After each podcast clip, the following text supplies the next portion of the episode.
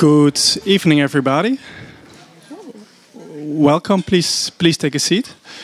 Um, welcome to this program of Radboud Reflects, the Center for Contemporary European Philosophy and Kenniscentrum Frankrijk Nederland, all from uh, Radboud University. Uh, my name is Dave Willems. I work at uh, Radboud Reflects, and today we have a special guest here from New York. His name is Souleymane Bachir Diagne. Um, today we're going to talk about um, Islam and philosophy, but let me first introduce our speaker of today. Um, he studied in France. Um, he also taught at the University of Dakar, in which a former speaker of uh, Radboud Reflects and Contemporary Center for Contemporary European Philosophy, Ibrahim uh, Thioub, also came, and also a university which cooperates a lot with this uh, university. Um, at the moment, he teaches France and philosophy uh, at the University of Columbia, um, and he has a special focus on uh, Islamic and African philosophy. Um, the topic of the lecture, what I already taught, is Islam and philosophy, and uh, Professor Diagne is going to focus on two important questions in uh, his lecture. First one is um, how can the teaching of philosophy play an important role in Muslim societies today again? A role which it played, uh, bef uh, played before, but now, due circumstances which Professor Diagne is going to tell us about, um, suddenly disappeared. Um, and the second question is um, how can uh, Islamic philosophy play an important role in uh, our society here today? So, how can the teaching of uh, philosophy um, play an important role in the rest of the world? Um, after his lecture, there is going to be a discussion. The lecture will take about 45 minutes. The discussion will be with Professor Evert van der Zweerde. He is um, a political philosopher at Radboud University. I should say social and political philosopher at Radboud University. Um, the discussion will be moderated by my colleague Lisbeth Jansen. Um, and the points of discussion will be um, the tension between uh, philosophy and religion. And next, this about the, the, the important um, mission of Professor Diagne. How can Islamic philosophy play an important role in the world again? Um, at the end of the lecture, there will be um, uh, a possibility to, to buy books because um, Professor Diagne is here um, because Paul van der Wiel, who is also somewhere over here, is over here. Uh, he translated the book um, is uh, Filosoferen in Islam to, to Dutch. Um, and Professor Diagne will be happy to signing books after the lecture. Um, that will be all. So I want to wish you a very pleasant evening and enjoy.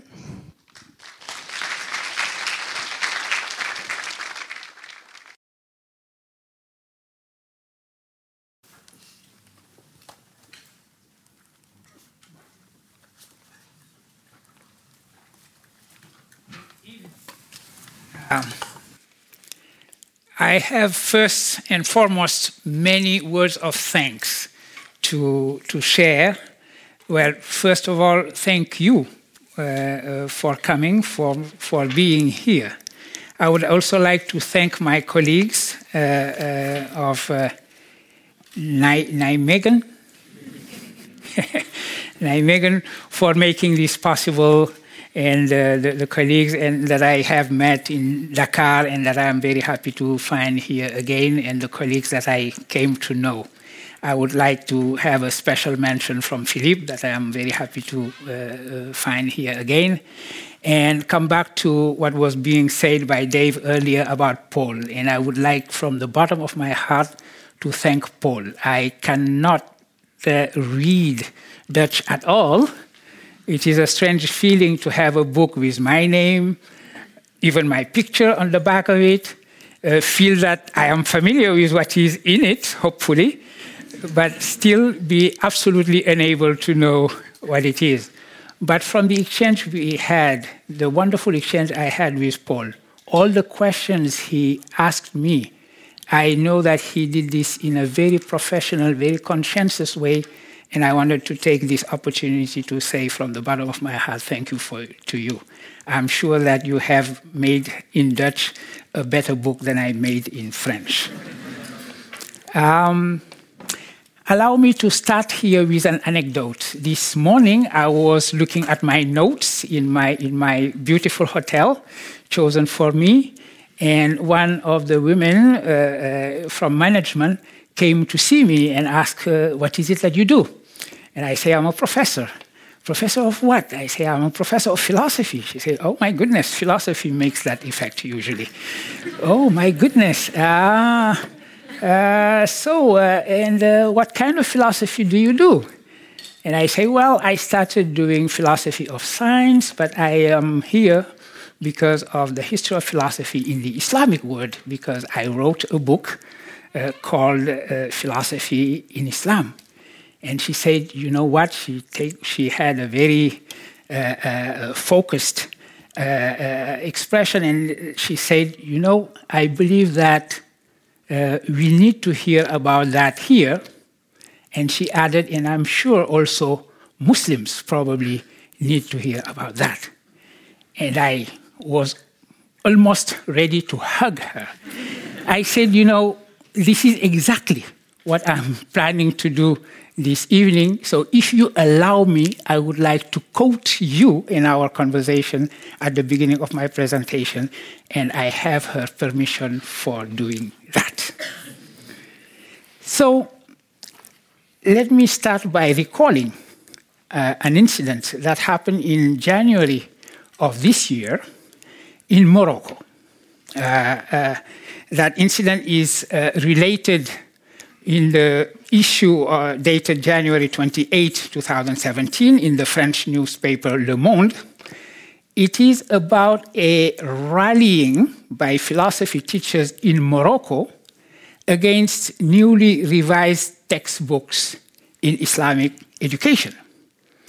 Uh, the colleagues, the teachers of philosophy in Morocco, had been shocked, the article said, to find in a textbook, uh, uh, normally for junior high school students, under the chapter heading Philosophy and Faith, a definition of philosophy as, I quote, a product of human thought contrary to Islam, end of quote.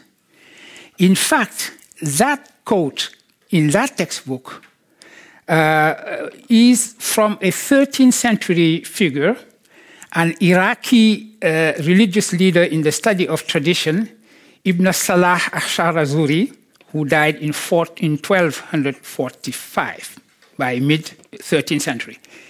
And he was mainly known for his violent attacks uh, against philosophy. For that reason, his name is often associated with that of another Muslim theologian and scholar, Abu Hamid al Ghazali. I'll come back to him. But as we will see, I believe that it is unfair to the latter to consider his positions uh, uh, to be the same as these fulminations against uh, philosophy coming from Ash-Shahrazuri, who went as far as opposing uh, uh, logic even. I'll come back to that. So the members of the Moroccan Association of Philosophy Teachers organized sit ins to denounce an attack against what they perceived as, uh, uh, they organized these sit ins against what they perceived as an attack against freedom of thought. And they saw it also as an attack against democracy. And they declared that they were totally appalled to see a resurgence of hatred for reason and rationalism in a modern Muslim country like Morocco. And it is true that Morocco is often associated with the idea of an open and dynamic Islam. In response to uh, uh, those protests, the Ministry of Education in Morocco made it clear that the textbook was just quoting Ash-Shahrazuri as an illustration of one given position on the question of the relationship between philosophy and faith. And the minister said, We are not endorsing any kind of doctrine, we are just proposing a text, a quote, uh, uh, to be submitted to the students' examination and their critical thinking. At any rate, and this is why I am evoking these, uh, these events in the beginning of my uh, lecture.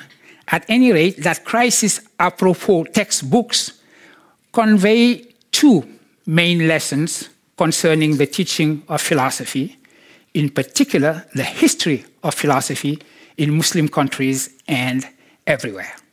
So I will consider to uh, uh, look at that crisis and the meaning it has for us.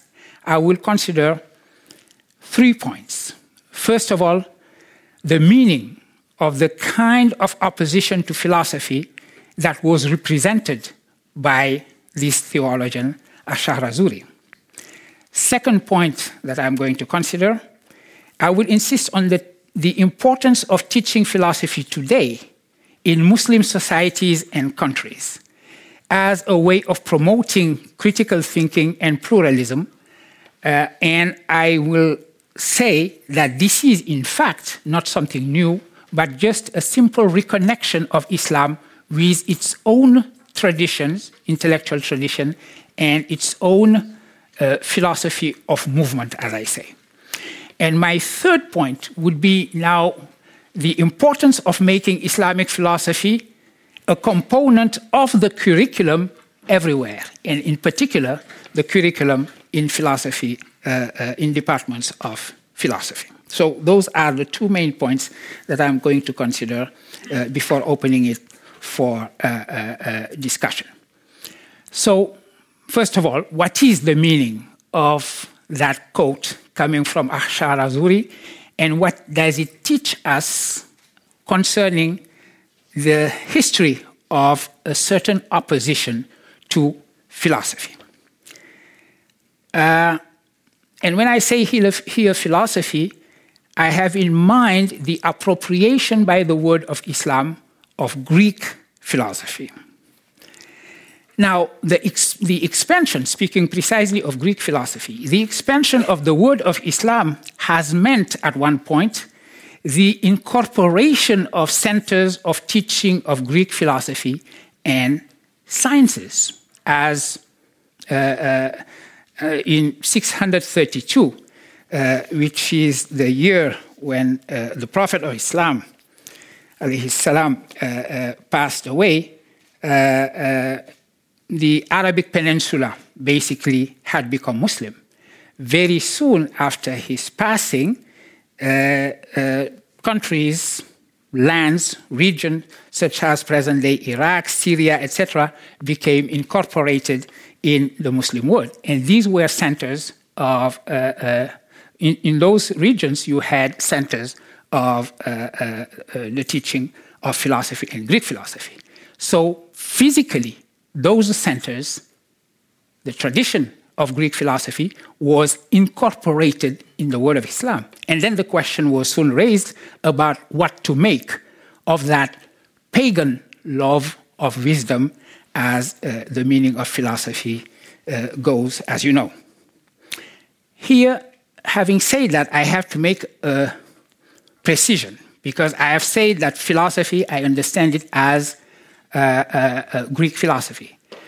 Having said that, I have to make a precision. Actually, philosophical questioning and inquiry was not just brought in by the Greek tradition.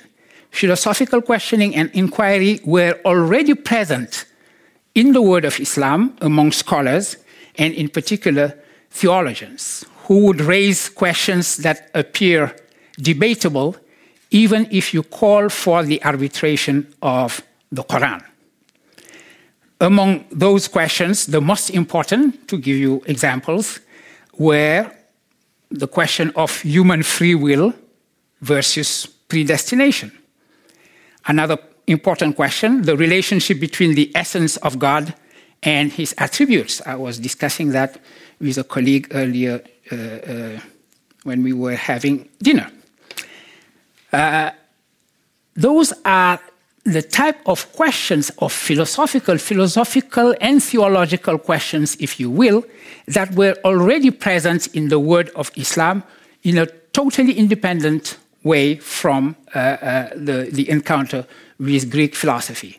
To just explain uh, roughly the nature of these theological questions, these questions around which Islamic theology is going to be born, obviously, if you ask yourself, is the human being free to act the way they act, or are uh, they predetermined to act the way they act. Classical question of free will versus predestination. As I say, this is a question which is debatable, and you can't just say, okay, let's open the Quran and decide what does it say, because you could very well find verses that go one direction that seem to support uh, uh, the thesis that human beings are free to act the way they act, or the other way around. So you cannot avoid philosophizing. Same way with the question of the attributes. What are the relationship between the essence of God, the oneness of God, and the attributes of God in their multiplicity? If you have all these attributes, in particular, the anthropomorphic attribute would be problematic, but not even just the anthropomorphic attributes. Any kind of attribute would seem to be questioning the oneness of God. So these were the type of questions with which Muslim scholars, theologians, were already grappling before that encounter with Greek philosophy. That precision being made, now I come back to the question of that Greek philosophy, uh, meaning also uh, uh, uh Greek sciences. Two opposite attitudes were possible in face of philosophy, Greek philosophy. One was the attitude of self closure. You just say, well, we are the word of revelation. We have revelation. So why should we get interested in the wisdom of those people who did not have revelation? That is one possible attitude. Here also, I need to make a remark because this was not just the case for uh, Islam. Actually, all the three Abrahamic religions, Judaism, Christianity, and Islam, when they encountered Greek philosophy, had at first the same attitude. How could we actually find anything uh, uh, uh, worthy of us in uh, uh, this pagan wisdom? And just a reminder that in 522, uh, uh, uh, Emperor Justinian, when he became a Christian, when he converted to Christianity, closed the schools of philosophy in Athens and Alexandria precisely on that ground that these were pagan schools of thought.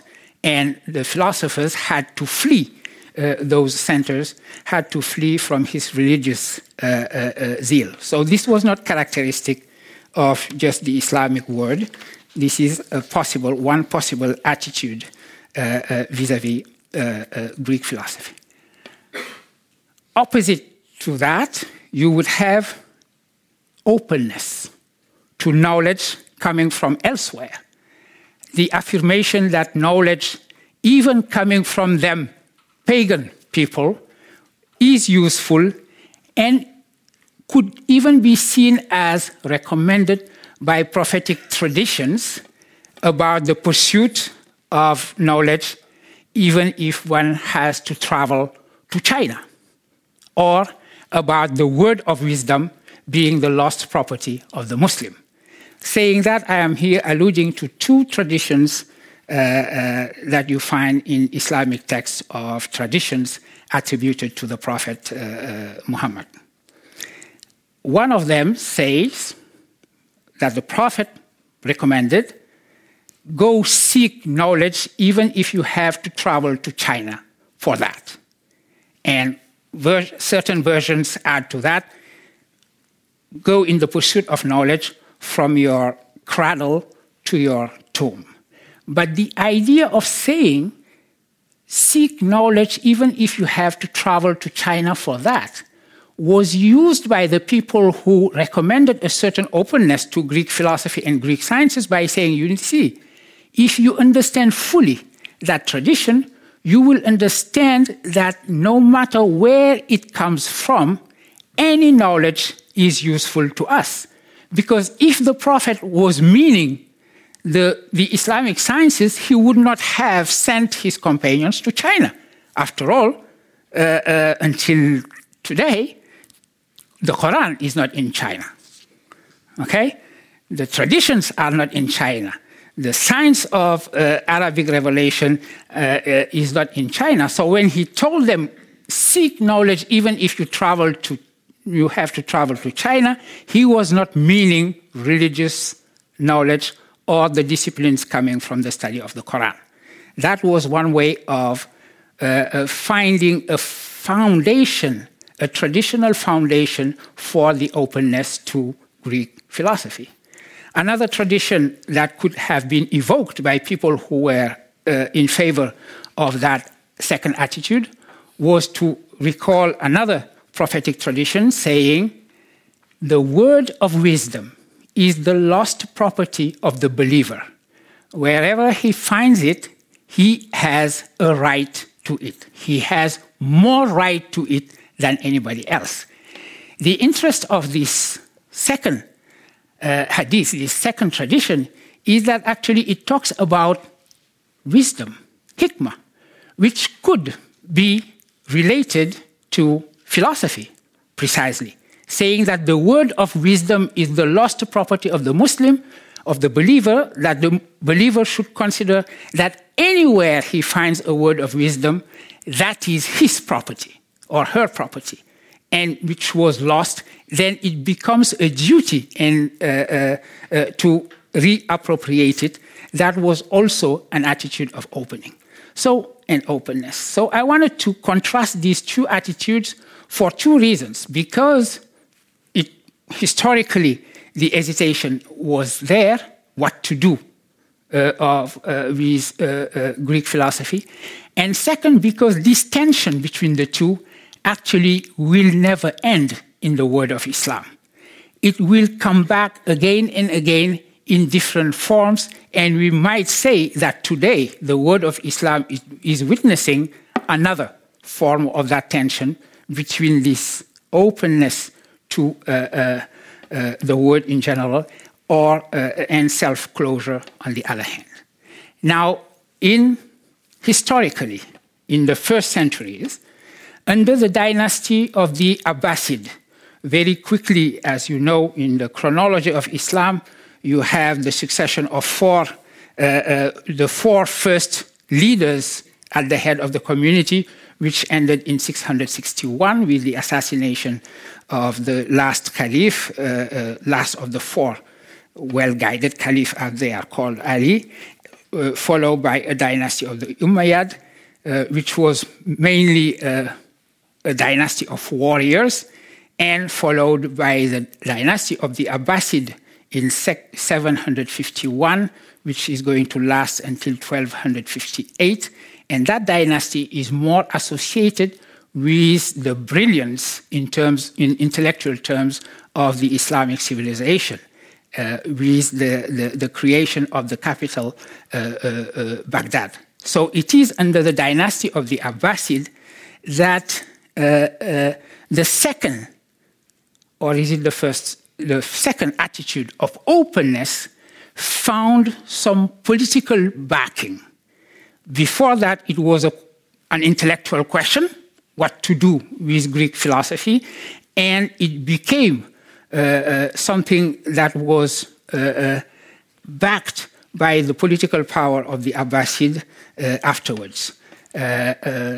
so, one date that marks that symbolically is the creation by uh, uh, one Abbasid caliph of an institution in Baghdad called the House of Wisdom, which was an institution devoted to the translation of Greek philosophy into Arabic. Of course, scholars did not wait for the caliph to give them permission to engage in translation and to engage with Greek philosophy. Thanks God, usually academics do not wait for uh, uh, uh, uh, the political power to let them know what they should be doing. They do it. But in this case, the, this backing by the political power had some kind of uh, very important uh, effect in this case. So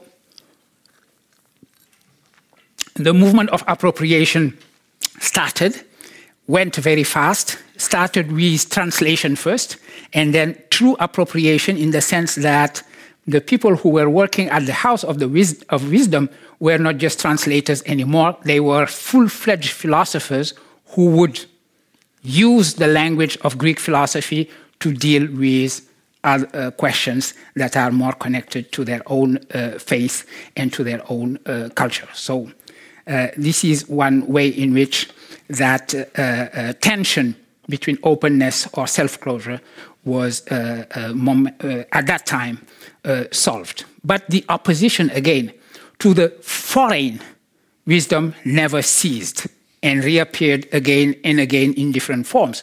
Now you can even tell it from the name it took. It adopted for uh, as a discipline the name falsafa, which is just an Arabization of the Greek philosophia.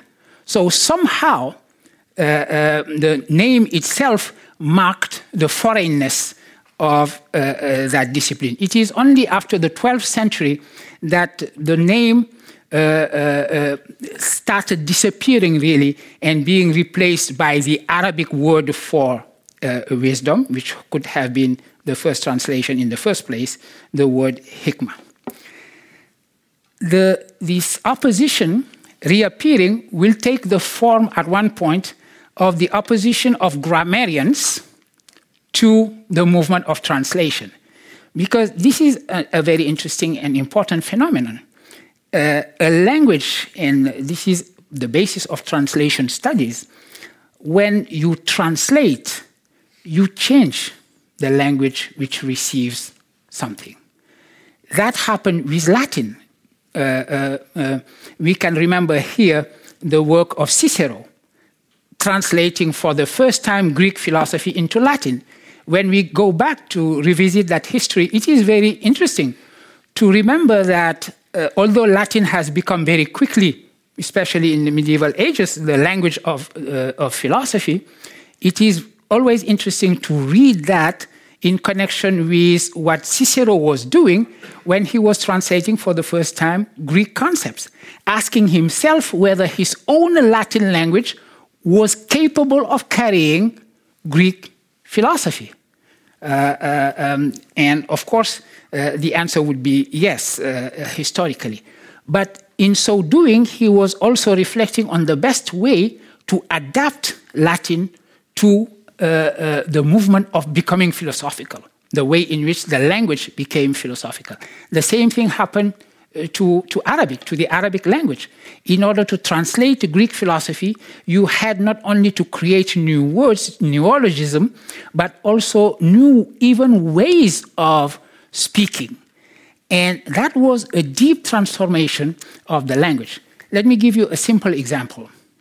Uh, uh, uh, in, the, in philosophical jargon, we love to talk about the quiddity of something.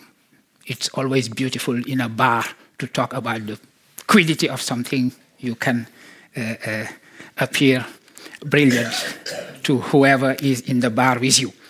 So, uh, but how is that word created? You take the word what, quid in Latin, and you add the itas, which in Latin indicates uh, a, a substantive. So the quiditas of a thing is the, the whatness of the thing. What is it? And the whatness of this is that it is a glass of water, and I have a sip, if you allow me. That's the kind of trick that philosophers play, and then they appear very brilliant after that. Well, Quiditas did that for, from the Greek. The Arabs, the Arab translators, are going to do the same thing. They take the Arabic kaifa, how? Kaifa haluka, how are you doing? And they uh, uh, added a kaifiya, iya being the equivalent of itas, then instead of uh, how are you doing, you would ask uh, uh, what is your commonness, how your howness instead of your highness. So that is again the trick, and uh, uh, the reaction to philosophy, the opposition to philosophy, this time took the form of the reaction of grammarians to the transformation of the language of revelation. The interesting thing when we think of the becoming philosophical of the Arabic language is precisely to look at the way in which uh, uh, um, uh, the opposition at that time took the form of an opposition to uh, new forms of transforming the language. And uh, uh, it is in a context like that that one could understand the rebound, as I would call it, of the first attitude of self closure that is uh, represented by Ibn Salah al Kurdi Shahrazuri. Uh, uh, the attack here is truly on a legal basis because, in his case, it is not just saying, well, this kind of wisdom is just the wisdom of the pagans. It takes a legal uh, uh, uh, form when he says that philosophers are actually uh, uh, heretics. so, this Salah al Kurdi al Shahrazuri, whose quote was at the origin of all the protests in Morocco that I mentioned earlier, was a specialist of exegesis. He was born in 1181 in uh, Shahrazur, as his name Shahrazuri indicates, which is in, uh, in the Kurdistan part of Iraq uh, uh today. And he died, as I said before, in the middle of the 13th century in 1245. So he taught. He was a theologian who was teaching also in Jerusalem. He taught in Jerusalem and he taught in Damascus. And he is known for this radical condemnation of philosophy uh, uh, that he called degeneration, confusion, misguidance, motivated by perversion and blasphemy. So for him, uh, uh basically, philosophers uh, were all in hell or should be uh, sent to hell. And to that state of confusion of philosophers, he opposed what he considered to be the clarity of Sharia. And he went as far as actually not even considering that logic was acceptable, because usually, even people who were opposed to Greek philosophy would consider that logic, which is uh, the preparatory discipline when you do philosophy, as you know, the texts, the Aristotelian texts of logic, are regrouped under the name organon, organon meaning a tool, an instrument, because logic is supposed to be the instrument that one has to master in order to do logic. You have to, uh, to, do, to, do, philosophy.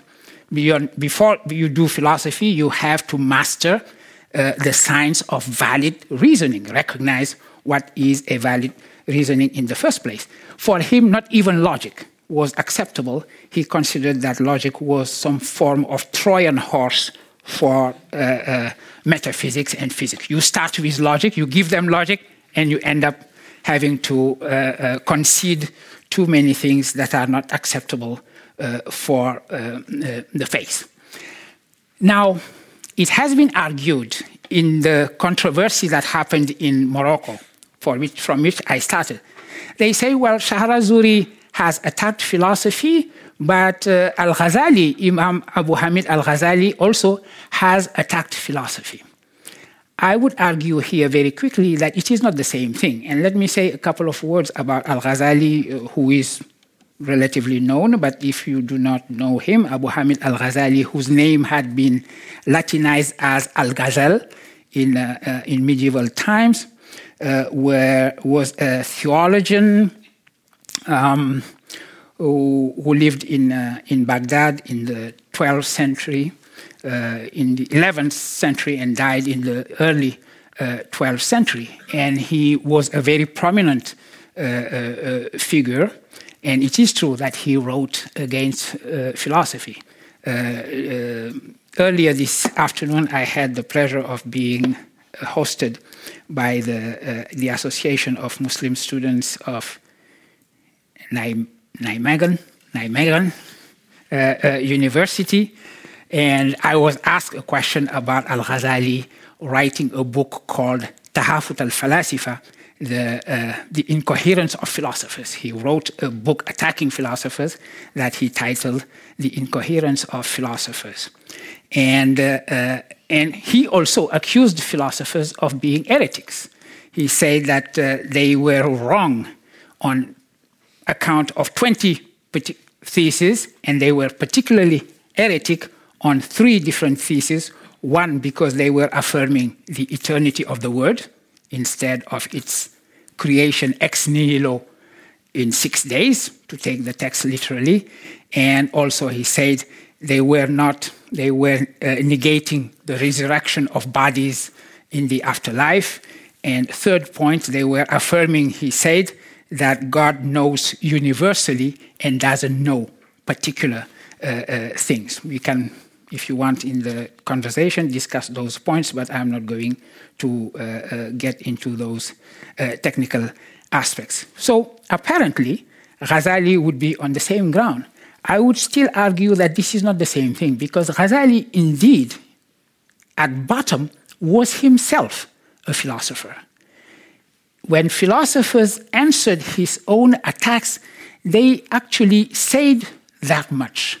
One who answered his attacks is probably better known even than him, which uh, Averroes, who uh, lived in southern Spain uh, in the 12th uh, uh, century.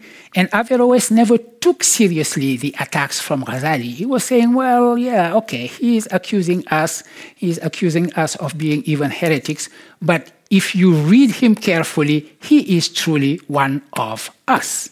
Which is true, in fact, when you look at the works of Al Ghazali.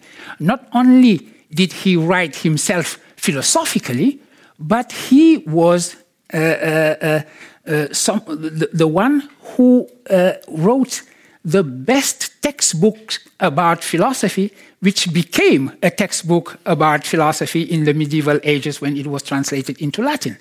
He said, I'm going to write a book in which I'm going to explain to you what the doctrine of philosophers are.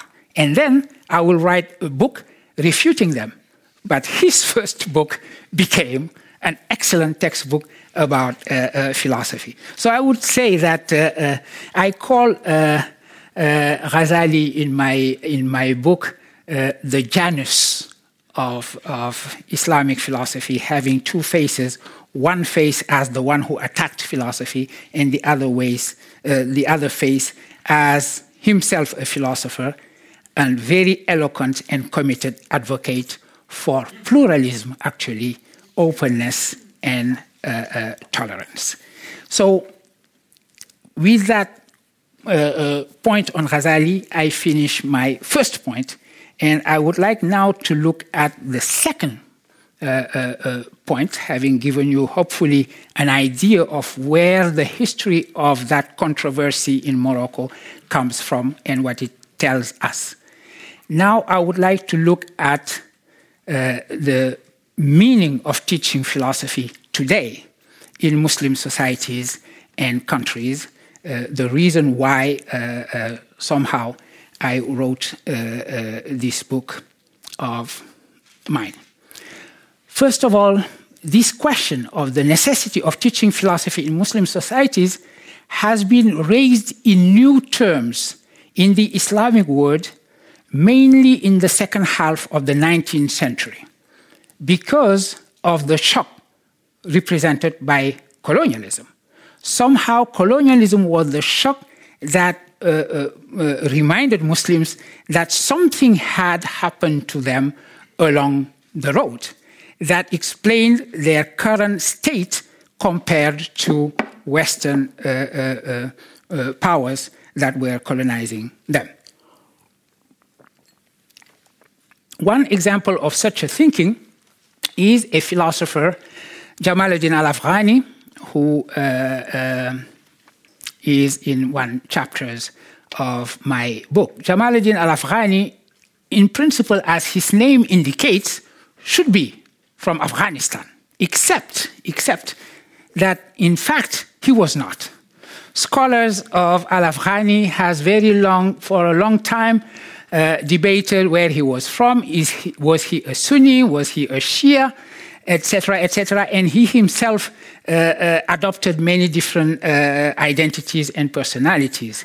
But uh, uh, the most recent scholarship about Al-Afghani establishes that he was in fact born because he, his total his uh, kunya, his name uh, total is Jamaluddin Al Afghani Al uh, Asadabadi.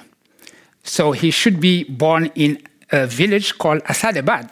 You have an Asadabad in Afghanistan, but you have also an Asadabad in Iran. And it looks like he was from that Asadabad in Iran. Born a Shia, uh, uh, educated as a Shia. Now, the reason why he himself uh, played so much with his identity was that he did not want what he had to say to the Muslim world to be sort of impeded and hampered by any question of identity. He did not want people to question who he was and was he speaking as a Sunni, was he speaking as a Shia, instead of just paying attention to what he had to say. So he was not truly cheating with his identity, he was dismissing uh, that kind of identity and the kind of sectarianism that would come with questions such as is he a, a, a Sunni or is he Shia, which indeed has absolutely no uh, uh, importance at, at all. Uh, uh, so Jamaluddin Afghani, the point, the reason why I'm quoting him is that uh, precisely because he was a Shia, in fact, has been raised in the tradition of studying philosophy. It has been said that the discipline of philosophy had almost disappeared in the Islamic world following the death of Averroes in 1198. That is not true people who say that Western scholarship on Islamic philosophy actually are just paying attention to the Western uh, uh, part of the Islamic world. In the Shia world, the tradition of studying philosophy has, in fact, never stopped. For one simple reason, it is that the doctrine of Imams, the Shia Imamology, had found a good translation in Neoplatonic terms. So Neoplatonism became the language in which the doctrine of the Imams was expressed. So Neoplatonism has always been a tradition in the Shia world. The like of Ayatollah Khomeini and so on are well trained in Neoplatonism uh, because it is part of the curriculum. So there it existed. And uh, Al Afghani himself was raised in that tradition. But when he was talking about philosophy, he was not talking about that Neoplatonist uh, tradition. He was talking about repeating in the modern in modern times the same gestures of opening up to the doctrine of modern philosophy. And in particular, he was saying we cannot just repeat Neoplatonist philosophy and keeping the Aristotelian closed word in a modern world where we have moved from the closed world of uh, Aristotle and Ptolemy to the open universe uh, uh, of uh, modern cosmology and modern uh, science. And in addition to that, he was saying that actually the very spirit of modernity is not in technology. Do not be fooled by Western technology. Do not think that modernity is in technology. The true tech, uh, modernity is in the philosophical spirit of which technology is just an external uh, uh, consequence. That is one aspect of this uh, claim uh, uh, for philosophy. Now, um, I come back, having said that, I come back to the Moroccan events surrounding the textbook.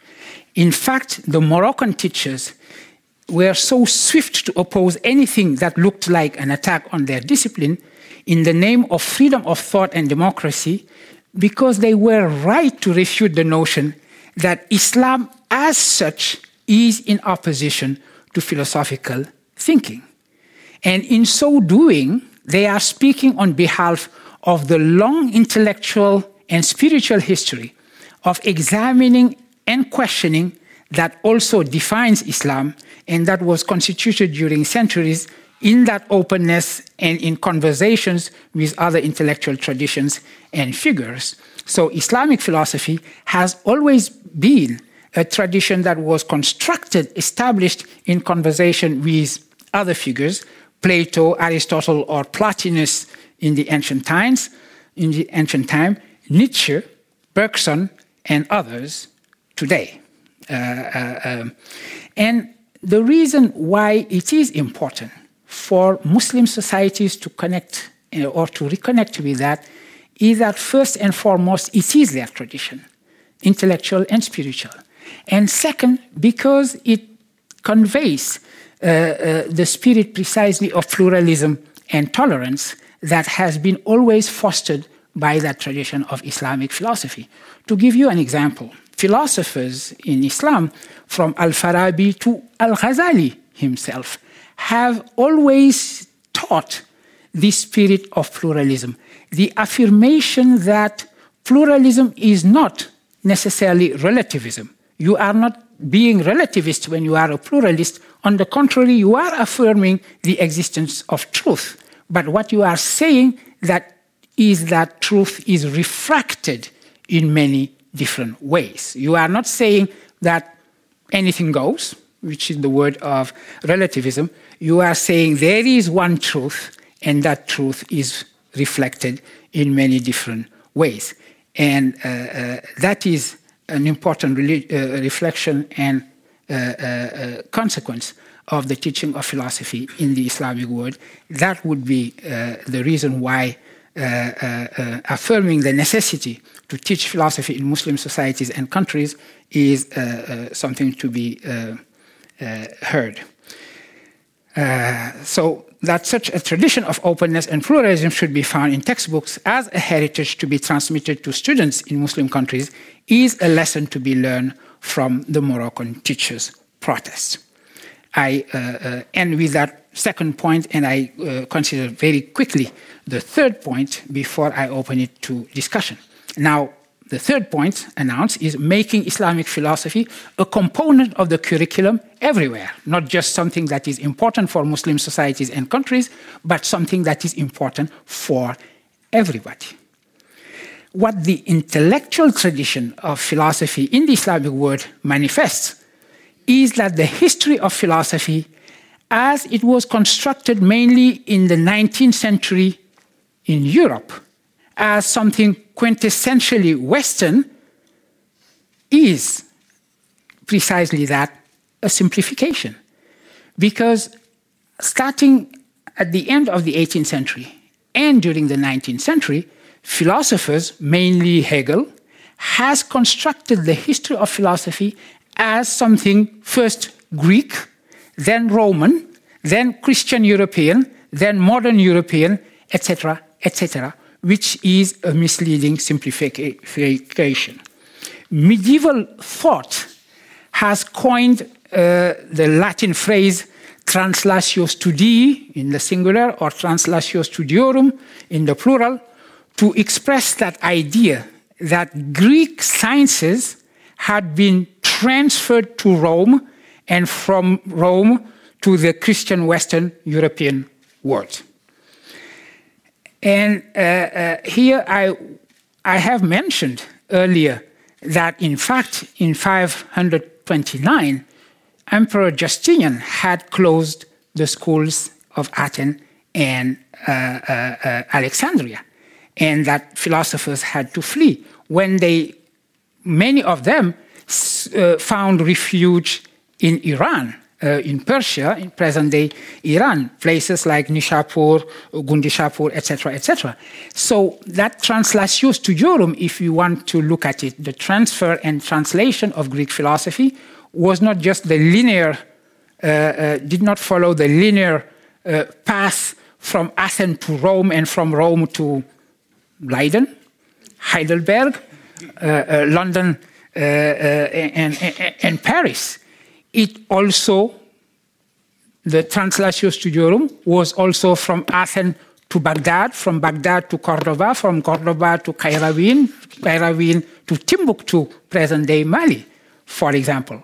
A place in Timbuktu where people were studying Plotinus, Plato, or Aristotle, or the logic of Aristotle, centuries before European presence in Africa. Once again, Uh, uh, uh, it is our total ignorance of that aspect of things that would let us believe that uh, philosophy is the essence of Europe, the telos of Europe, as Husserl famously said. The very identity of Europe, I mean, it is not. Even if you consider only Greek philosophy, not to mention Indian philosophy, Chinese philosophy, etc even if you consider only Greek philosophy, well, Greek philosophy has traveled much further than just going from Athens to Rome and from Rome to Heidelberg.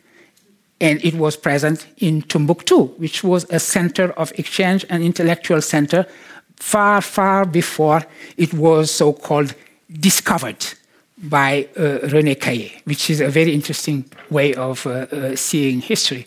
History is a history of lands and regions that are discovered by uh, Europeans. So Timbuktu was this important center, had a very long history of exchanges between sub-Saharan Africa and the Mediterranean world, and on the other side, uh, uh, uh the Middle East. But it only existed in history when uh, uh, just an adventurer named René Caillé, whose only claim to fame is to have stumbled on that, on that city, has discovered it. So if we restitute that understanding, that full understanding of the history of philosophy, actually, we would be uh, uh, uh, better historians of philosophy. And we should pay attention here to what Roger Bacon, in his Opus Tertium, wrote about that translatio studiorum in relation to the tradition of philosophy in the Islamic world. He described the voyage of philosophy in these terms. I quote Bacon God first revealed philosophy to his saints and gave them the laws. It was thus primarily and most completely given in the Hebrew language.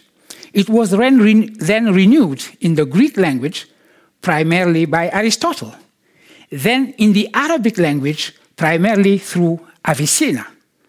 But it was never composed in Latin and was only translated, transferred based on foreign languages. It's very interesting that he is totally dismissive of Latin. Latin has never invented anything just received stuff, while Hebrew had really carried uh, uh, uh, the wisdom, the love of wisdom, followed, he said, by Greek, followed, he said, by Arabic. That Arabic aspect of thing has been wiped out in the history of philosophy by what Hegel, uh, uh, uh, the way in which it was reconstructed by Hegel, that could be called an ethnic cleansing of the history of philosophy. Medieval philosophy, in particular, should be understood as an encounter between Islamic, Jewish, and Christian uh, philosophies. Uh, uh, uh um, and for example, medieval thinkers such as Thomas Aquinas, people can study Thomas Aquinas in total ignorance of Islamic philosophy, which is strange because uh, when you do that, you just forget that before he was canonized and became saint, Thomas Aquinas, Thomas was actually accused of being heretic. And his heresy was the accusation of being Averroist. So if you are studying Thomas Aquinas, at least you should be asking yourself, well, who is this Averroist? And why was Thomas Aquinas accused of being an Averroist? And then you start reconstructing the history of medieval philosophy as a braid of histories integrating uh, Jewish philosophy, Islamic philosophy. So, this is why philosophy in general needs to know about that. Generally speaking, there is not such a thing as a unique European philosophical telos, and textbooks on the history of philosophy should reflect the fact that philosophical thought is found in every human culture. So, on important notions such as truth, reason, belief, life, etc., those textbooks should restitute for the critical thinking of students the conversations that philosophers from different traditions have entertained. And I'm very happy we mentioned the, uh, the collaboration between University Cheikh Anta and uh, uh, Nijmegen. You see, I'm saying it fast now.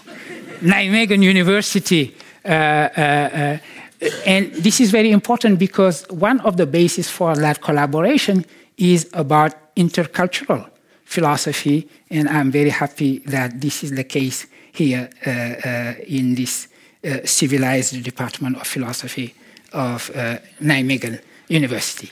And to this double aspect of the question, the necessity for Muslim societies to reconnect with their own intellectual tradition, and the necessity for philosophy departments everywhere to open up to that philosophy. That is the contribution I have tried to make with my own book. And I thank you very much for listening to that. Thank you.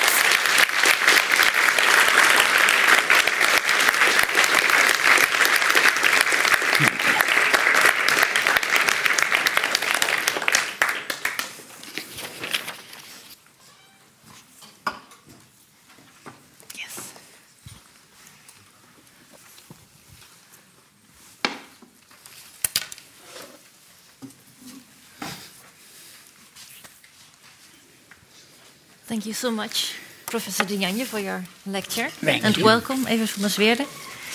Um, yes, let me start.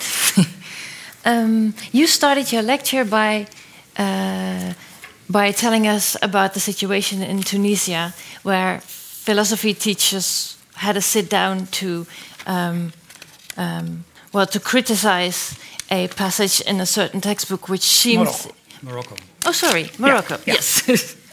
um, seemed to say that philosophy and Islam do not go together. Um, so that were the teachers. I was I was interested in. You are a teacher at Columbia University, so of course you speak a lot of young students. Uh, I'm sure also in Senegal, your home country, you know a lot of young people. And even today here, there's a lecture hall full of students. And this, afternoon, you met some students of our Nijmegen uh, Muslim uh, Student Association. Nijmegen, I knew that. Yeah, never mind Mine the G. It's the fine. G. never mind.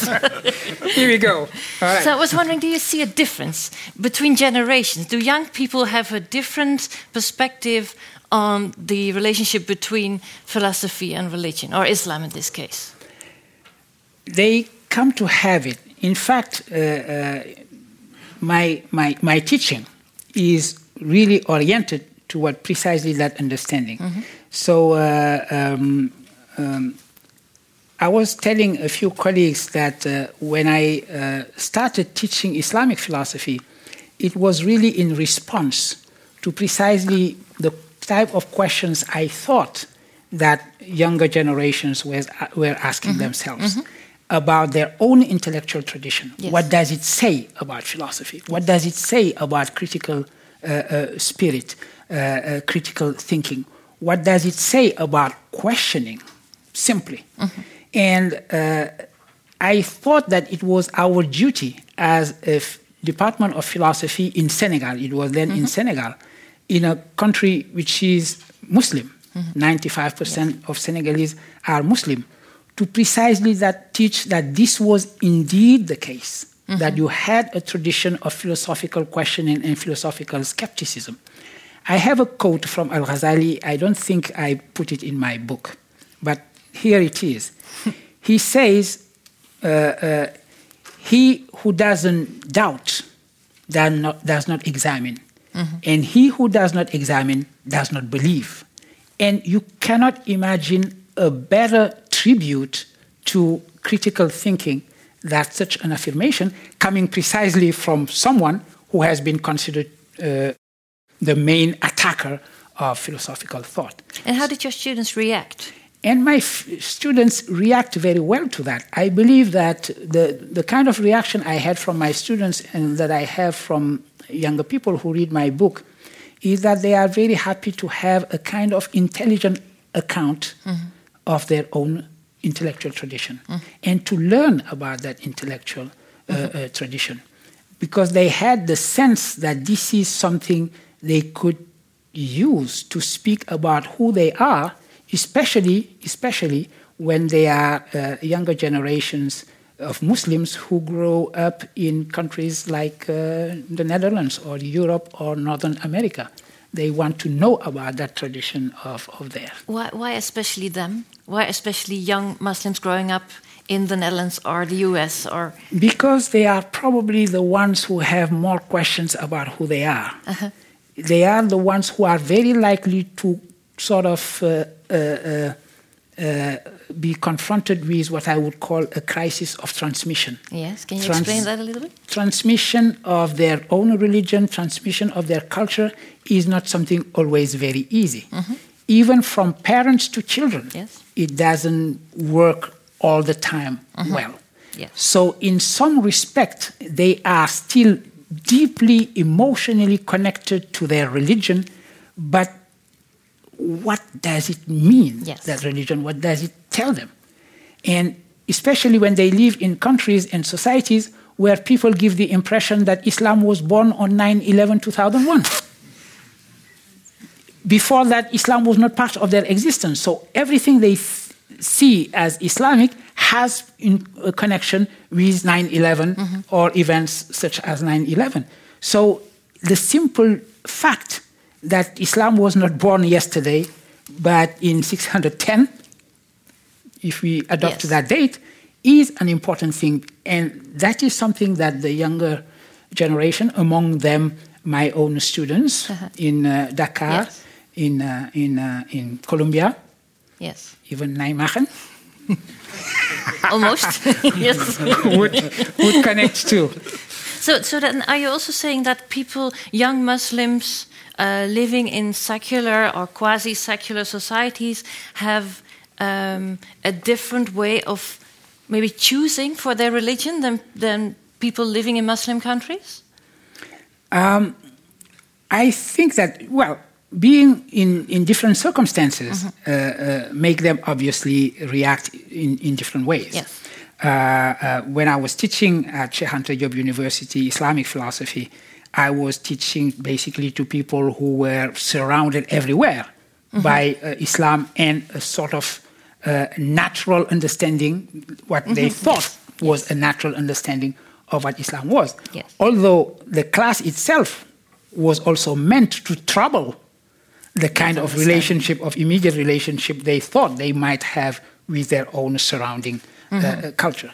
But the situation would be uh, different indeed with uh, uh, uh, students coming from Muslim backgrounds, themselves Muslims or not, but who are uh, uh, interested and curious about this intellectual and spiritual tradition of theirs. Yes. I'm also asking because I think, especially here in the, in the West, maybe also the US, um, as you say, people think that Islam was born um, with the Twin Towers, um, or that at least the impression that Muslims are radicalizing very quickly. And when I asked you, Evert, when we were talking about your book and about this discussion, uh, I said, Well, I've read somewhere that your work is described as the work of a, a voice in the wilderness, and in Dutch, that uh, expression says a voice in the desert. So I asked Evert, do you, do you agree? Do you think this is a, a voice in the desert? And then you said, Well, I don't think it's a voice in the desert, but it's probably a voice in an increasingly smaller um, oasis. So, so, so could you explain that a little bit, and Yeah. maybe you can react? I can certainly I can explain that. I think that it is. Um, when I read your book, I, I read it in French first, and then I read the indeed beautiful translation by Paul. Um, one of the things that I thought, and that was reflected also in some of the reviews that have appeared in the Netherlands of the Dutch translation of your book, is that well, this is a very nice story, and this is all very eloquent and it's very sympathetic and it's very profound and it is very honest also. Um, but this is marginal within the world of people who. well, It's, it's a minor influence on the mindset of people who somehow connect themselves to the, um, the tradition of Islamic, Islamic faith.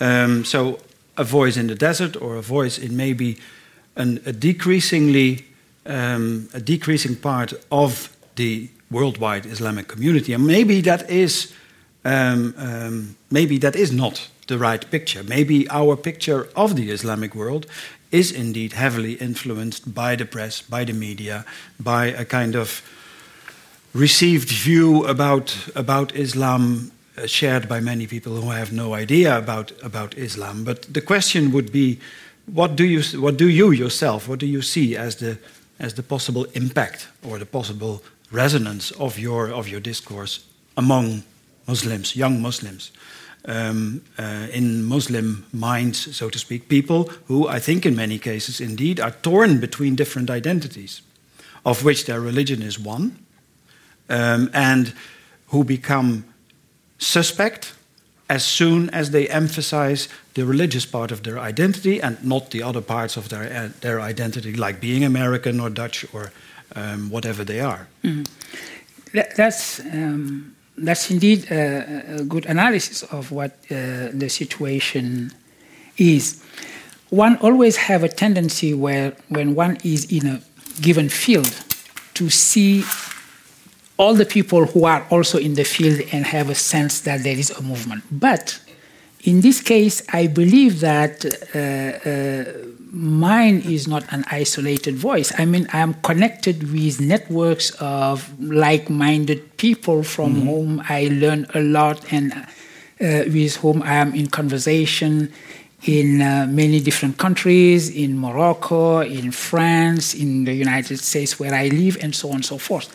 So I do have the sense that the continuation of a form of reform thinking, this idea that the Muslim world at one point had undergone some form of petrification in its own uh, uh, uh, thinking, the religious thinking of Islam, not Islam, but the religious thinking of Muslims about Islam, and that it is time for the religion to reconnect with its own principle of movement.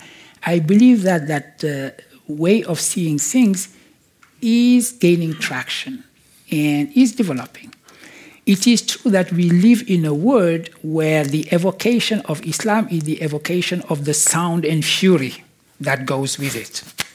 And uh, uh, of course, a voice is barely heard when the surrounding atmosphere is sound and fury precisely. Mm-hmm. But one has to believe in the force of education. Education has effects that are not visible immediately mm-hmm. and that do not make as much noise as a bomb, mm-hmm. obviously. Mm-hmm. But it is, uh, uh, uh, uh, it is the most powerful force possible. And uh, uh, something that encourages me is when I meet uh, uh, young people in, in Senegal, uh, age of my, my own children, for example, who just tell me that my book, that they read my book and it gave them something to think about. Mm-hmm. And it taught them, I, the, the best thing I have heard is someone telling me that it taught him what he was thinking because this is a, a, a, statement I have myself used when I uh, uh, considered uh, Indian philosopher Muhammad Iqbal as someone who was very, very important in my intellectual life. I have said that he taught me what I was thinking. Mm-hmm. To hear that very same phrase from someone, I don't know if uh, he had heard something about me saying that or not, but it almost uh, uh, it encouraged me, and I believed in teaching because that's the only thing we do. We teach and we write about what we teach. We are uh, uh, learning almost as much from our students as they are learning from us. And we try to restitute to them what we are learning from them, from just trying to teach them these matters. So I do believe in that force uh, as well. Yes, that we, that's the only thing we do. We teach, but the other teach. thing we do is, of course, we meet people and, and we like meet people. Yes, indeed, and like coming here and having uh, uh, something, you know, gathering people around the, the few chapters that I have written on on, on authors that I uh, love and that I. Uh, read again and again, mm-hmm. and having journalists be interested in what you are doing mm-hmm. and writing about it, and so on and so forth that is something important. Yes, but I don't mean only some people travel the world meeting other people who are maybe much more different than themselves, but also um, uh, developing your own perspective on certain items Absolutely. by just meeting someone you didn't know before, and of exactly. course has a different mindset than than you do. Exactly, and that is an experience that one. Uh, uh, uh, uh has all the time. Yes. Anytime exactly. I travel, if I say, for example, to uh, my wife and kids. Okay, I'm going to the Netherlands. It's only going to be five days. I'll be back by Thursday. And so when I talk about that, I have the feeling that I'm opening a parenthesis and that on Thursday I'm going to close it. It mm-hmm. never happens like that. You never come back home the same mm-hmm. from the people you have met and the exchanges that you have had. And that is the beauty of what we are doing, and that is the beauty of, of, of traveling. So somehow, when I'm on the plane on Thursday, inshallah, I'm going to have nostalgia for Nijmegen. Wonderful. that would be a wonderful end of the evening, but we're not that far yet. so I just wanted to say if there are any questions from the audience, just raise your hand. I don't promise I'll get to you immediately, but I'll remember your face or your hand or whatever. Um, just one condition let it be a question, a short question. So short and question, saying question mark at the end. Um, that would be nice. Yes, I really see a question in the back. Uh, should I uh, stand up or? No, you can sit down. Okay. Uh, you mentioned a question to him, but I, I don't know, maybe I mistake, but I didn't get uh, the answer. That does philosophy it's not accepted with Islam because we always read the answers or fiqh, even the, the second century, that it's philosophy way. It's not by examples. You know, when, when they give examples, those examples are in philosophy way. So does Islam is not acceptable anything uh, or the philosophy way of explanation? That's what. Uh, I, I, would say that uh, it is not the case that Islam doesn't accept those. I uh, uh, uh reminded us of all the different prophetic sayings about actually uh, uh, the word of wisdom and why it becomes even a duty for us to appropriate a word of wisdom wherever we find it, be it in the, in the, in the mouth or in the writing of someone we consider pagan, to say that on the contrary, on the contrary, the emphasis put by Islam on learning and learning in general, in the sense that there is no profane knowledge, in fact. You do not divide knowledge into profane knowledge and only the true religious uh, uh, uh, knowledge. And that attitude, actually, I believe, not dividing them, is encouraged by, by, by Islam. So thank you for reminding me that in the different questions that were posed to me, I let that one uh, uh, skip out of my to-do list. yeah, and maybe continuing your question, I think the general thought seems to be that religion, be it Christianity or Islam or Judaism, let's stick with the three um, Abrahamic uh, religions, um, that religion sets limits to philosophical reflection. And I think you also have um, mm -hmm. an opinion about that. So I, would like to. I certainly, yeah, certainly do. I think, but in, in my perception, and but maybe I'm too much looking at the let's say standard picture of the development of philosophy in uh, the western part of the world or in Europe. Um, my impression is that historically, when philosophy took the floor, you mentioned Thomas Aquinas, um, um, let's say around that period, and until then, of course, there had been medieval philosophers, um, but there is a kind of opening, you can connect it to Renaissance if you like, where philosophy took the floor and theology and religion were gradually moved um, backstage. Um, at least that is the common, the common mm. perception. I think the problem, to my mind, the problem that is at stake there is that it's perfectly fine, I think, to say that from the perspective of a religious tradition you can do philosophy. And I fully agree with you that if you look at the Holy Quran and texts that are there, there is a need for philosophy. But historically, the problem has always been how can philosophy be contained within the limits mm. set by religion, and how can it be kept from transgressing mm. um, those those limits and um, becoming detrimental to religion, sure, which. Sure. But what is that? Can you can you explain what? that a little bit? Detrimental, more? or yeah, I don't mean the word, but I mean. no, no. what I mean yes. by being detrimental. yes. um, well, maybe not to religion, but to theology. Mm -hmm. To theology as a master discourse, and I think this is a fair way of of diagnosing the development of yeah. science in, in the West and of mm -hmm. scholarship, yeah. that theology has given way to science. Because? Not because of the critical potential of philosophical thinking. And that critical position is that philosophy well, can lead precisely, to doubting the existence of God, and that um, is the end of. So that, well, that would be the critics of some Islamic thinkers saying that um, philosophy leads to disbelief. Can lead to disbelief must not yes. lead to disbelief, but can lead yes. to disbelief. Yes. And that, I think, is the problem because I fully agree with the. Um, I find it a beautiful quote that you gave from Al Ghazali He who does not doubt does not examine, and he who does not examine does not believe.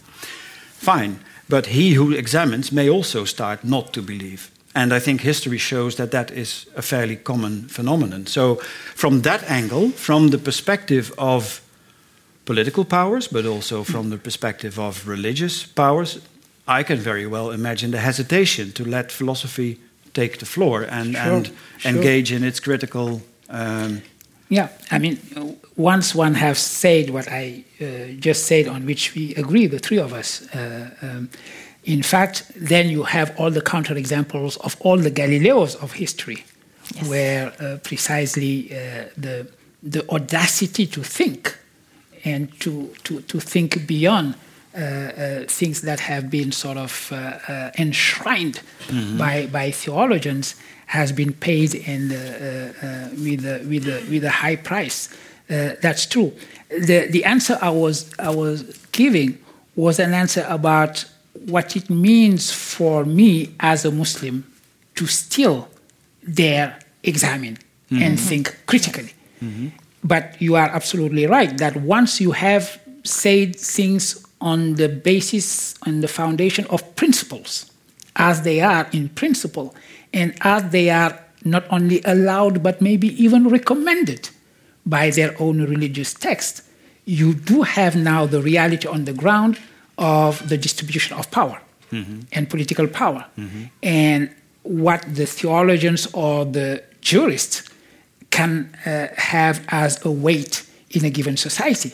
So, depending on the weight of the jurists and the way in which they consider themselves the custodians of tradition, uh, wanting things to remain the way they are, etc., you would have uh, reactions such as condemnation of Galileo to take the, the, the Christian church, or uh, uh, uh, you know, burning at the stake someone like Sayyid Mansur al-Hallaj in the Muslim case, although it, it was not science in his in his case. But the very idea of uh, uh, uh, punishing someone not for something they have done, but something they have thought, uh, uh, unfortunately exists in all societies and uh, have to do with the distribution of power rather than what the texts themselves uh, say. I mentioned Averroes.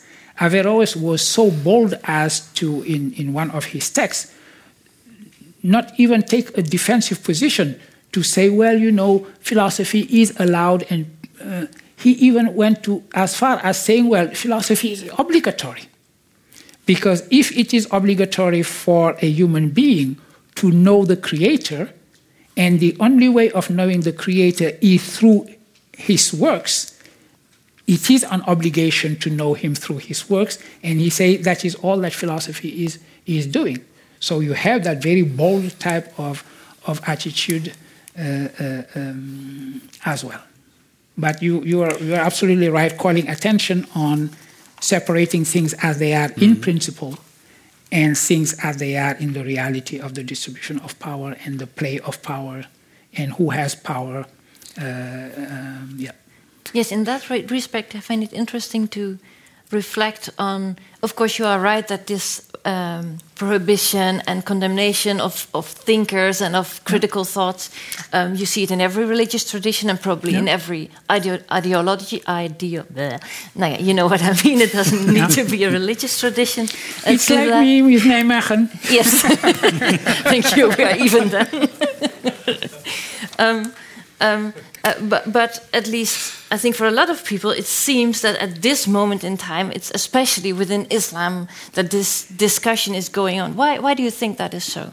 There are two things. Uh, one thing on the side of Islam needs to be said in terms of any parameters measuring the degree of education, literacy, etc., etc., among societies, one has to recognize that Muslim societies are not the best equipped in terms of their own education in their own tradition and faith.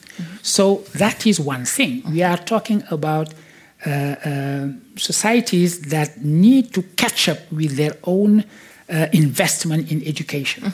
That is uh, uh, one thing. And here is a religion that has praised so much education. The very first verse, the very first words of the Quran as about learning, learn, read, etc. And we are not there. That is what I call the, the, the disconnect between Islam and its own principle uh, in, in one sense. That is one aspect. The second aspect also is that uh, uh, the discourse about that is, uh, has become a very simplified discourse that put Muslims on the defensive. Mm-hmm. Mm-hmm. When you ask questions such as, oh, is Islam compatible with modernity? Is Islam compatible with secularism? Is Islam compatible with democracy, etc.? The questions themselves are ill formulated because it doesn't make sense. You are considering an essence here, an essence there, and you are asking if they are compatible.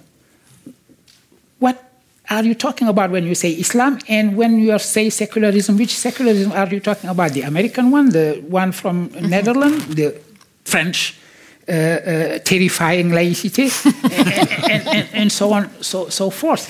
So, uh, as I say always, if one asks me, is Catholicism compatible with secularism? I will say no, because I know the history of France and I know that secularism had to impose itself with the defeat of Catholicism. Mm-hmm. Catholicism was defeated by secularism in order for France to become republic laic. And then Catholicism found its accommodation with secularism.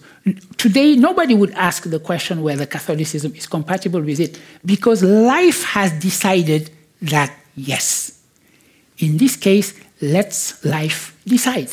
In other words, if we pay, if our focus is in all the uh, aspects of, uh, uh, of uh, the presence of Islam which are problematic or do not work, then we lose sight of the aspects where things work. Let's take the, the question of integration, which is so heavily posed mm-hmm. nowadays. I, am more familiar with France, but I'm sure it is the same thing here in the Netherlands, with the fact that many Muslim born or Muslim uh, citizens of those countries are making their way into the mainstream society and being integrated, and it is working, mm-hmm. and they are doing very well. In the United States, if you take the Muslims, their level of education in average is higher than the average of the American uh, uh, uh, population. And I'm not just talking about Republicans, even the others. So uh, uh, that is, that is a, a reality. But we, we, we, we f- forget that and we focus on the pockets of, of problems. And I believe that uh, here, from what I have read, uh, that would be also the case. You have pockets of problems in Utrecht. For some reason, I believe Utrecht is mentioned as the place that uh, converted uh, uh one uh, great uh, philosopher from Netherlands to comparing the Quran to Mein Kampf. Mm-hmm. Mm. Evert, I saw you looking very skeptical. am I looking skeptical? yes, sometimes. No, I'm looking puzzled. Okay. Um, and what puzzles me is perhaps, and I'm, I'm a bit playing the, the devil's attorney here, mm-hmm. but what puzzle, puzzles me is a question that uh, has pu- been puzzling me for a long time. When you say, for example, I fully agree, let me start there. I fully agree that questions of the type, is Islam compatible with democracy, are ill formulated because they are yes no questions. Mm.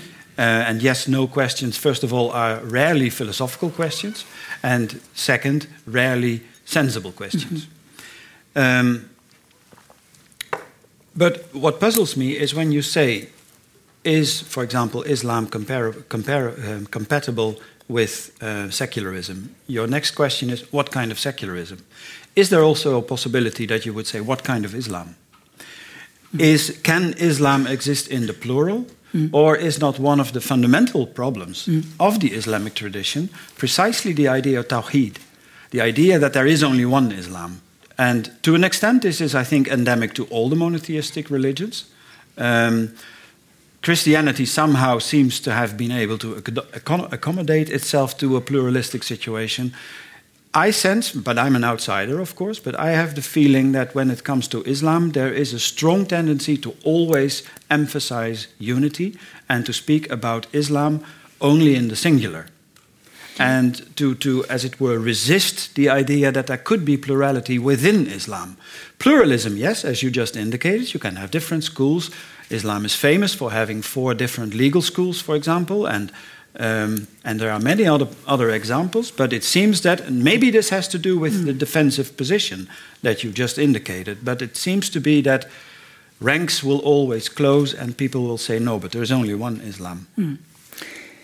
In fact, uh, um, uh, transferring uh, Tawheed is more about the oneness of God than the oneness of, of interpretations and readings. But you are right on one point is that you do have, especially nowadays, uh, uh, a tendency to exclusion from, in particular, uh one reading of, of Islam, saying the oneness of Islam should be a dogma.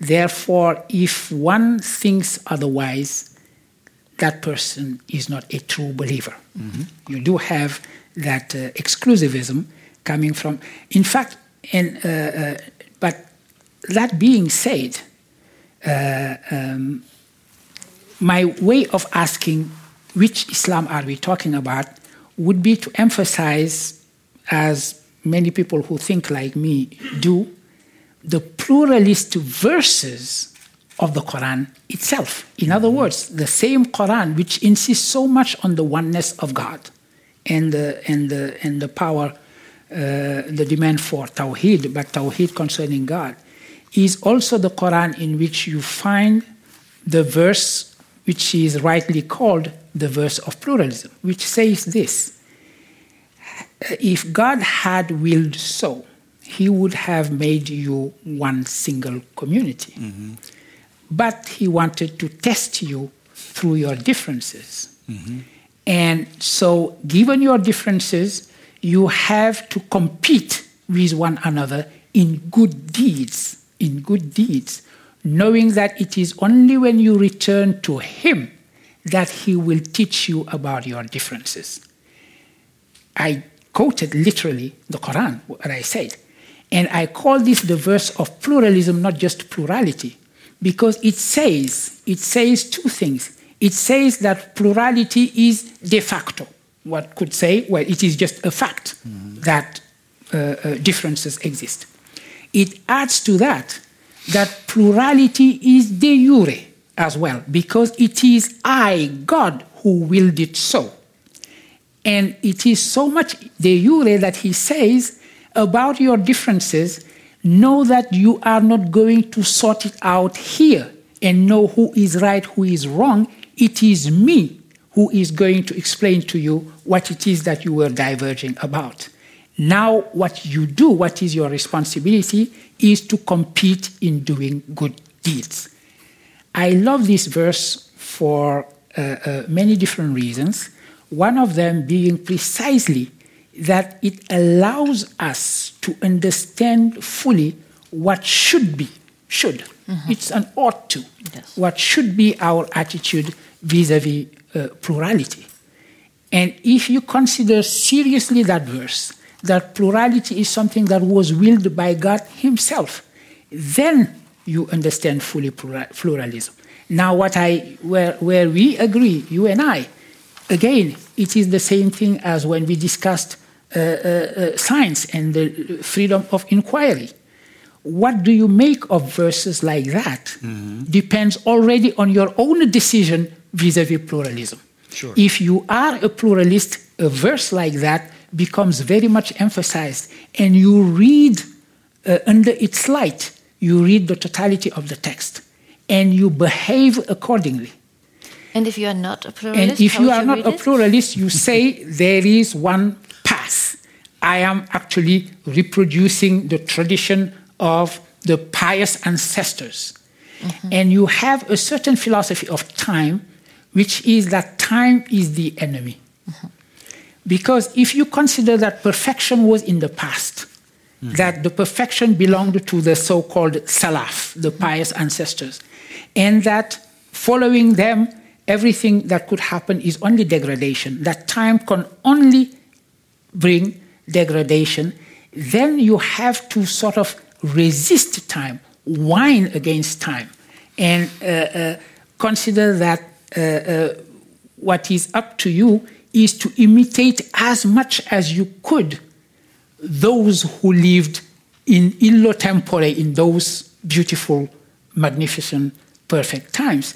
In other words, you consider that time is the only thing that time can bring is destruction. Mm-hmm. Whereas if you think along those pluralist lines, time becomes the condition, becomes the condition for the display of being.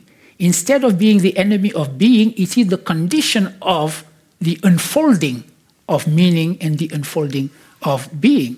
Therefore, you are hospitable to novelty. You are hospitable to change because you are hospitable to life. It would be the same thing as having a positive philosophy of time and having a positive philosophy of life. If you are in that uh, uh, uh, posture of putting yourself against uh, uh, time and pretending that you are imitating a tradition as it is, well, while you have reconstructed yourself that tradition, people are considering that they are, oh, let's reproduce the tradition of the Salaf and uh, uh, nothing else is valid. Whoever uh, does something different would be a kafir. And why would people do that? Unbeliever. Why, why would people do that? I mean, there might be a lot of political or, or psychological reasons why people mm -hmm. would prefer this attitude of, of closedness. Yes. Because of their conception of what is the truth, mm -hmm. the, the, incapacity to think that truth can be many, mm -hmm. still be truth, and because pluralism is very difficult to think. Yes. Universalism, I am right, therefore everybody else is wrong, is quite comfortable. It is easy as an attitude. Yes or saying, well, anything goes. I'm mm-hmm. not sure that anybody has truth. That relativistic attitude also is easy. What is difficult is what is in the middle. There is a truth, and the truth is reflected in multiple manners. That is very difficult to think about. And that is the demand that we are putting on, on ourselves. And that exclusivism, and that also has to do with game of, of power uh, uh, I myself consider myself as a pluralist. The only sect that I do not uh, condone is the sect that says I am the only one right, by definition, because that sect doesn't consider me to be right. But there's, but there's another sect that you that you condemn, which is the sect that says I have no idea, the sect that says anything goes. So you are you are seeking the middle way I between the positions of yeah. dogmatism on the one hand and skepticism yeah. on the other. Between abstract universalism, exclusivist, and uh, relativism, mm-hmm. I think that there is a path for pluralism. Mm-hmm. Yes, and I think the the phrase or the term you use for that is progressive fundamentalism. Now, I think in especially in a secular society like ours, the whole the the word fundamentalism just raises a lot of um, question marks to say put it mildly. Yeah. Um, could you could you tell us a bit more about what you mean by progressive fundamentalism? Yes, I was trying to articulate the following ideas what does it mean to say, let's go back to the foundations? Mm-hmm. If we define very, in a very neutral way fundamentalism that way. You can either say, I am going back to the foundation, which means I am going back to the example set by the pious ancestors. I know exactly what they were doing, and I will repeat what they were doing, while you do not say that. You know, Muslims do not even know what was the position of the hands of people who prayed at the time when they were praying. Were they praying like this or were they praying like this? You have, and nobody could tell you because we are not going to discover anything like a picture that would be found by archaeologists who would say, oh my goodness, look at this guy. he is praying like this. Mm-hmm. So forget it. We will never know whether they were praying like this or like this. So if you consider that, you would say deciding that they were praying like this is my decision.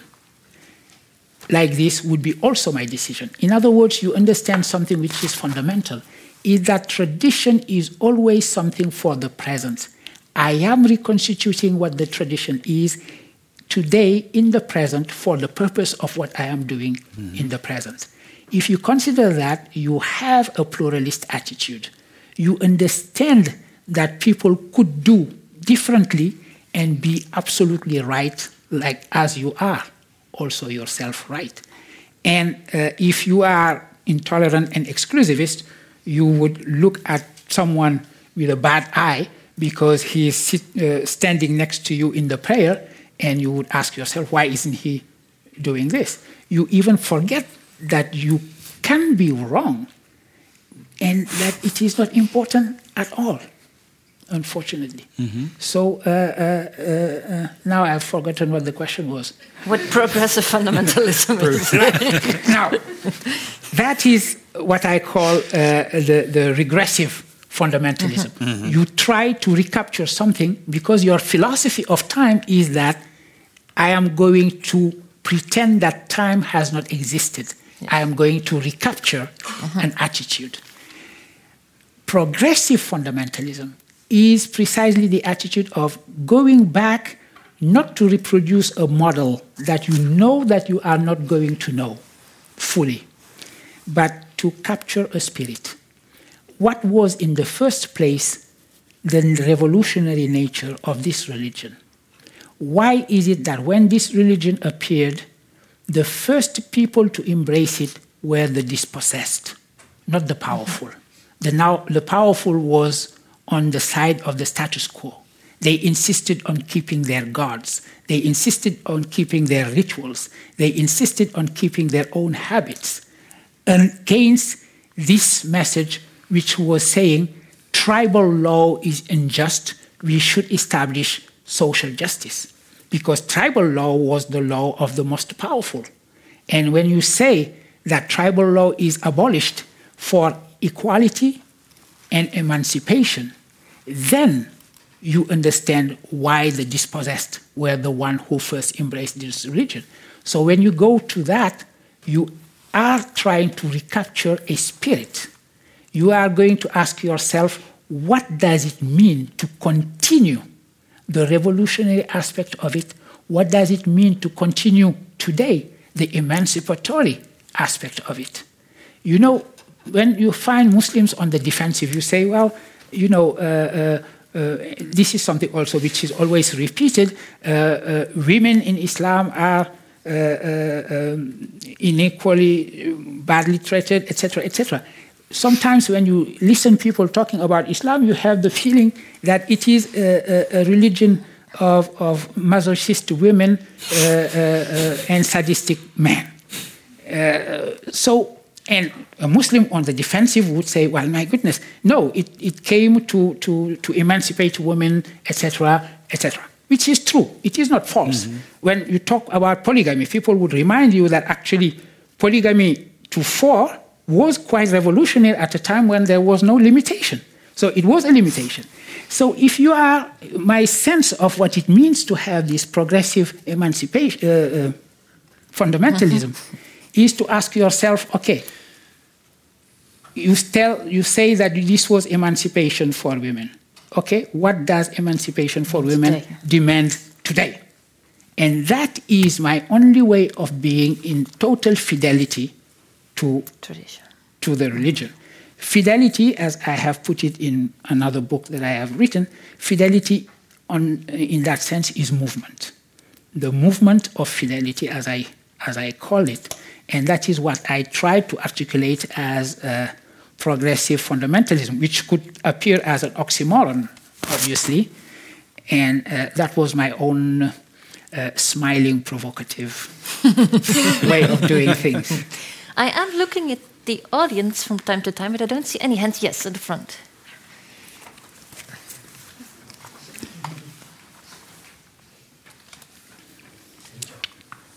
You're speaking of fundamentalism, and uh, I'm wondering, do you know how you can dissect the cultural parts that slipped into a religion? Like you said, for women was quite revolutionary, but it's a cultural part that slipped into a religion we still adhere to now.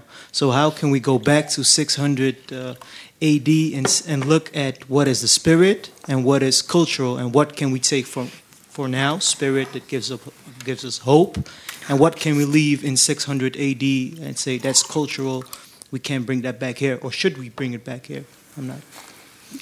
um, yeah, it, it is not always clear cut where you can say, uh, let me make the separation. Uh, here is culture and here is uh, um, religion, because in the spirit of many people, the, the two are totally mingled. Uh, and, and blended together. One way of looking at that is if I uh, uh, come to have the experience of other Muslims uh, who are Muslims like myself but doing things differently, just the, the simple act of comparison might teach me, oh, this has to do with my own being Senegalese rather than just something Islamic. It is not always clear cut like that. But uh, uh, capturing the spirit to sort of react to the culture. Let me give you an example, which is a kind of very strong, uh, even graphic example. Many people associate Islam with uh, uh, uh, genital mutilation. Say it's Islamic. It is not. It is not because uh, uh, many people who, uh, whose uh, behavior it is are not Muslim, and many Muslim do not know that practice. So the two are separate. Now, if from there you go back to, to history and you ask yourself, where could this association come from? Did Islam say anything about it? You realize that, first of all, it is totally absent from the Quran, obviously. And the only few unsure hadith or tradition that talk about it is that the Prophet coming uh, uh, to know about that custom in certain places said, Oh, indeed you do that, and said, But make sure that you do not hurt or that you, you know. So that those tradition, if authentic, would mean that he came to know about it, did not prohibit it, but showed that it was something that uh, he would rather not uh, uh, see.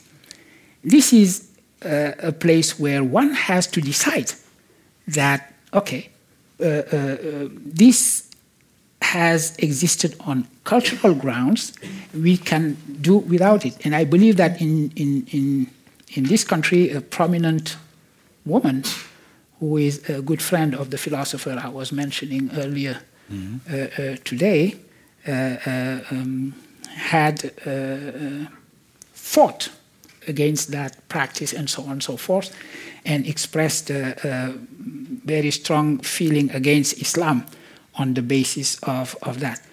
This is an extreme case where probably the separation between the two could be easily done in that sense.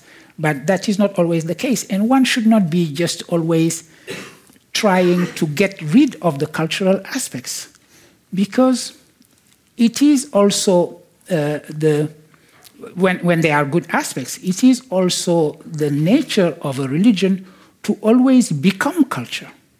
The way in which Islam became the culture of uh, West Africa is not totally the same way it became the culture in Indonesia and so on and so forth, but it is one. The, the, the religion as it, as it is, is one.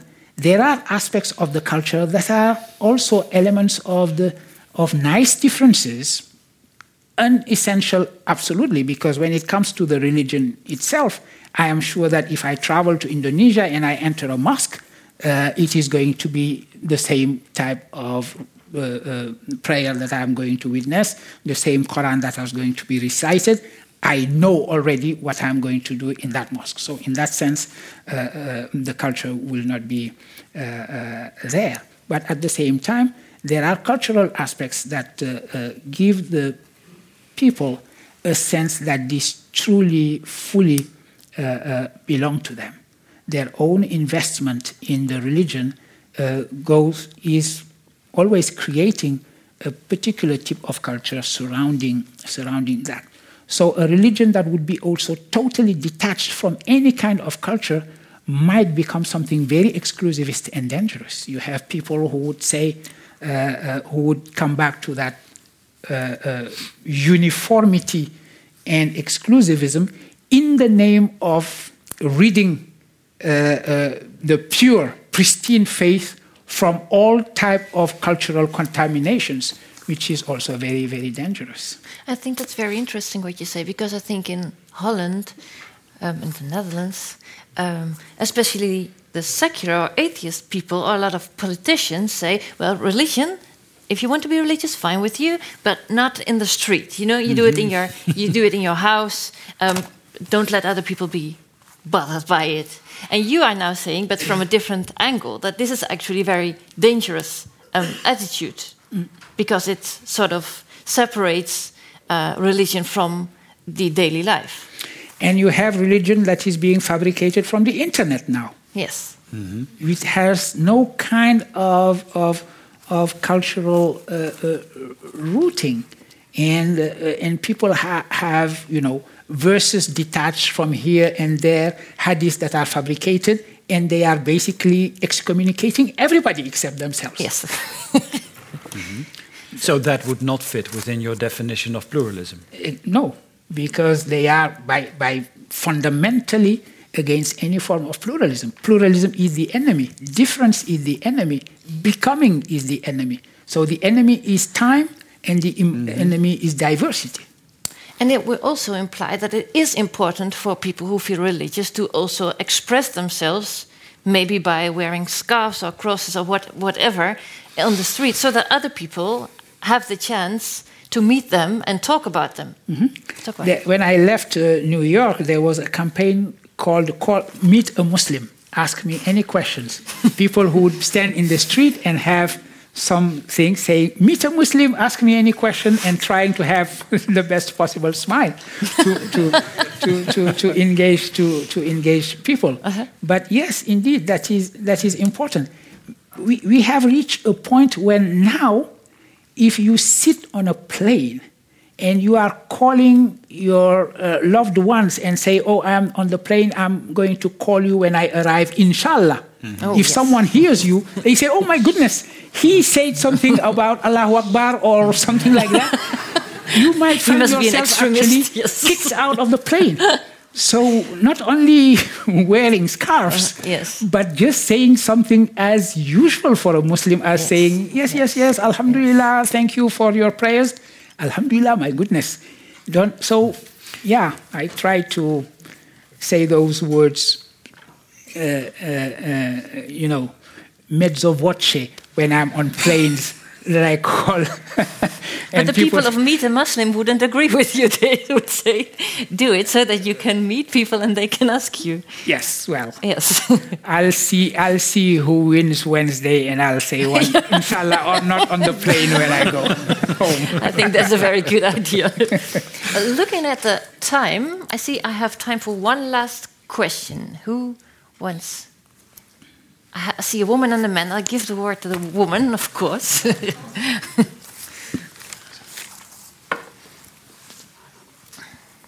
it's a bit of discrimination, but nothing about that. Um, You're the first woman, so no. okay. Um, I wanted to ask your pro um, uh, pluralism, so multiple views, but there are. Uh, uh, people uh, um, that are very into their own uh, point of view and they're uh, using just one kind of source. How do you get these people into uh, pluralism? You know.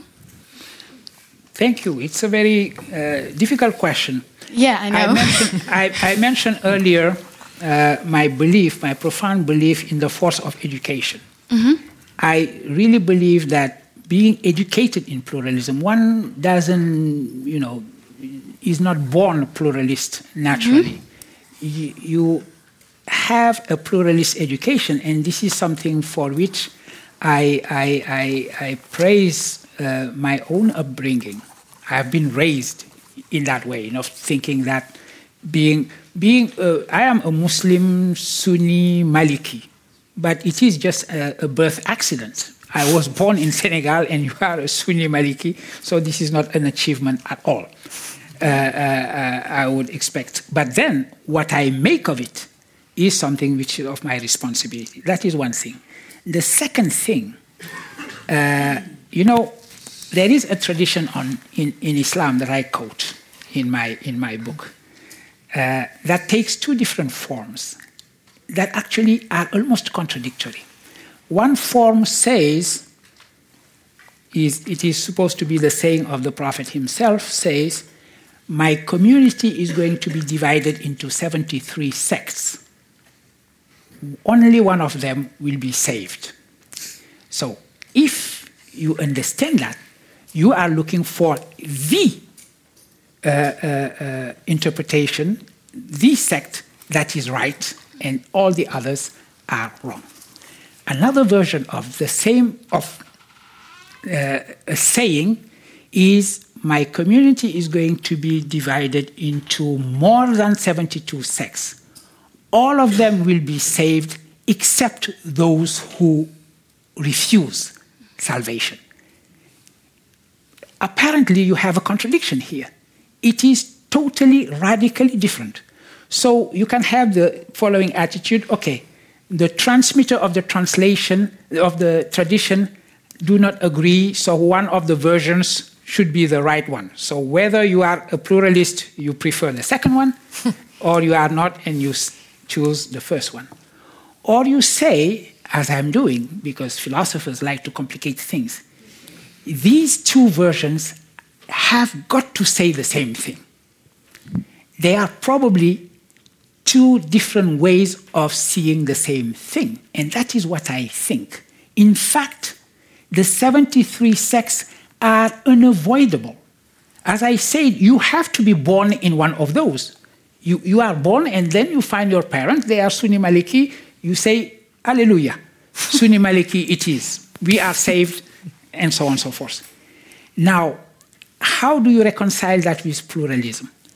My response is that the right sect, the sect of those who are going to be saved, is the 74th. Of course, the tradition talks about 73. But who are the members of that 74th? Obviously, everybody is already in a category, one of the 73.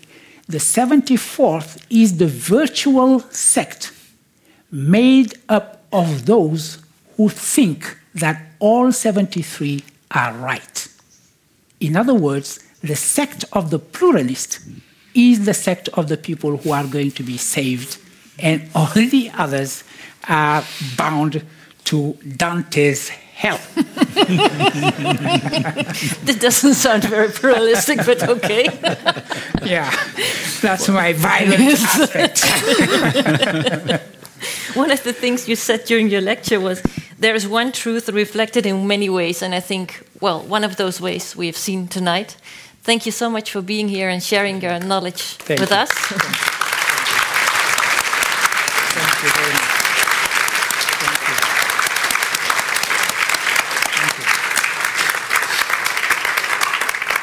thank you too, Evert, for sharing your, your ideas and your opinions.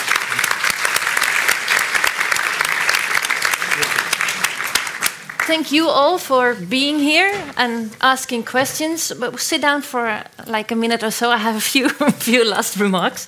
Um, because uh, Professor Diagne is not just leaving, um, there are books uh, this this just translated book. Evert, you have it here, Filosoferen in the Islam.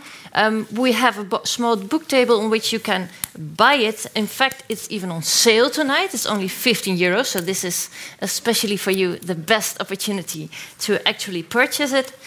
Um, um, and, and, Professor Diagne is willing to sign your book for you. So you can just go outside to the bookstore. He will also go there and you can have your book signed.